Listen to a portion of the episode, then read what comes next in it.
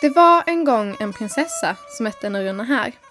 Nurunahar skulle gifta sig och hon valde mellan tre bröder. Prins Hussein, prins Ahmed och prins Ali. Det var bara det att Nurunahar älskade de tre bröderna precis lika mycket. Och därför kunde hon inte bestämma sig vem av dem hon skulle välja. Så Nurunahar kom på att de skulle ha en tävling. Den som kunde ge henne den bästa presenten, den skulle hon gifta sig med. Så de tre bröderna gav sig ut på en resa.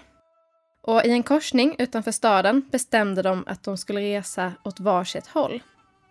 Prins Hussein red åt höger, prins Ahmed red rakt fram och prins Ali red åt vänster.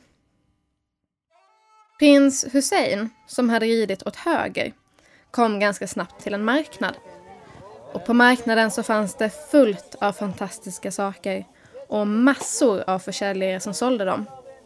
Men där fanns en försäljare som verkade lite mer speciell. Så prins Hussein gick fram till försäljaren och frågade vad försäljaren hade. Och försäljaren visade upp en gammal matta. Men en gammal matta, det var inte vad prins Hussein hade tänkt ge till Nurunahar.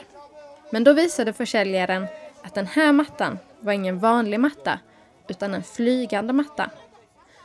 Och en flygande matta som kan ta en var som helst i hela världen.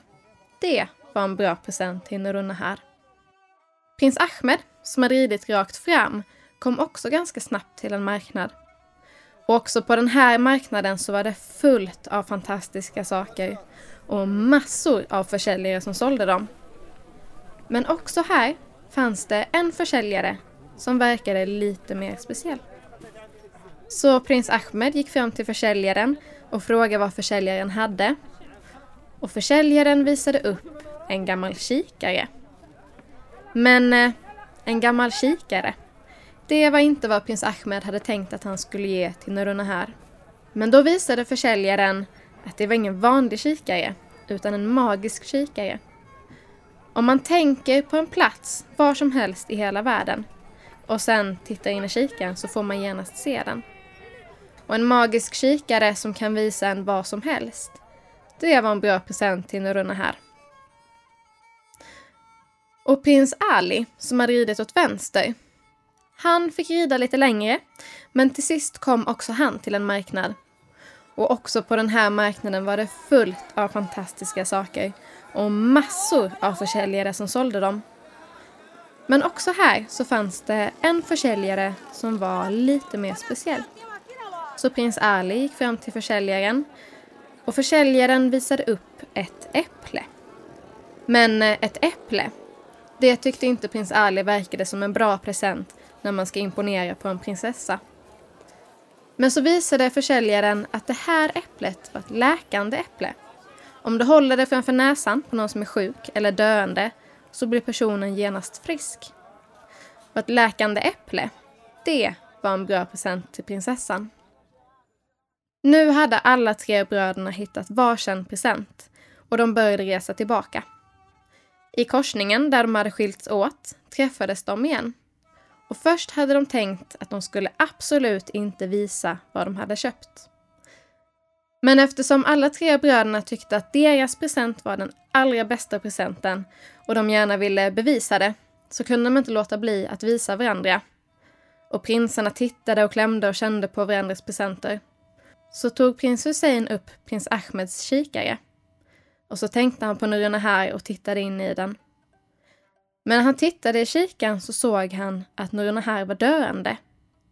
Och de tre bröderna, de blev alla exakt lika ledsna och visste inte vad de skulle ta sig till.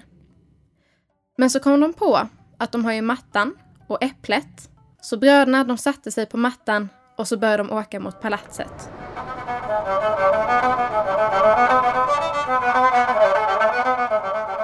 Och när de kom fram till palatset så rusade de av mattan och direkt till Nurunahar och så höll de äpplet framför näsan på henne. Och direkt blev Norunna här frisk. Men hur skulle hon nu bestämma vem som hade gett den bästa presenten? Det var ju kikaren som gjorde att de såg att hon var sjuk, mattan som tog dem dit i tid och sen äpplet som gjorde henne frisk. Nej, alla tre presenterna var exakt lika bra. Istället bestämde Nurunahar att man skulle skjuta pil. Den som kunde skjuta pilen längst, den skulle hon gifta sig med. Och så gick alla ut i slottsträdgården. Prins Hussein fick börja att skjuta. Nu var det så att prins Hussein var inte så duktig på att skjuta pil, så hans pil, den kom inte särskilt långt. Men sen var det prins Alis tur och han var duktig på att skjuta pil. Så hans pil, den kom jättelångt. Och sen var det prins Ahmeds tur. Och det såg ut som att prins Ahmed sköt ett väldigt bra skott. Men när man skulle kolla hur långt pilen hade kommit så kunde man inte hitta den. Det var nästan som att prins Ahmed inte hade skjutit någon pil alls.